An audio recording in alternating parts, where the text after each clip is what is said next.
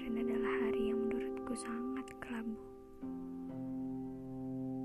Aku mempunyai bintang. Iya, bintang favoritku.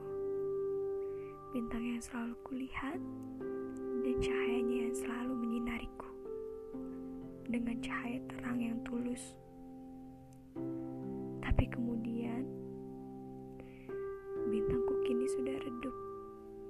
Cahayanya sudah hilang menyinari langit indah lain. Dan di saat itu, langitku gelap gulita tak bercahaya.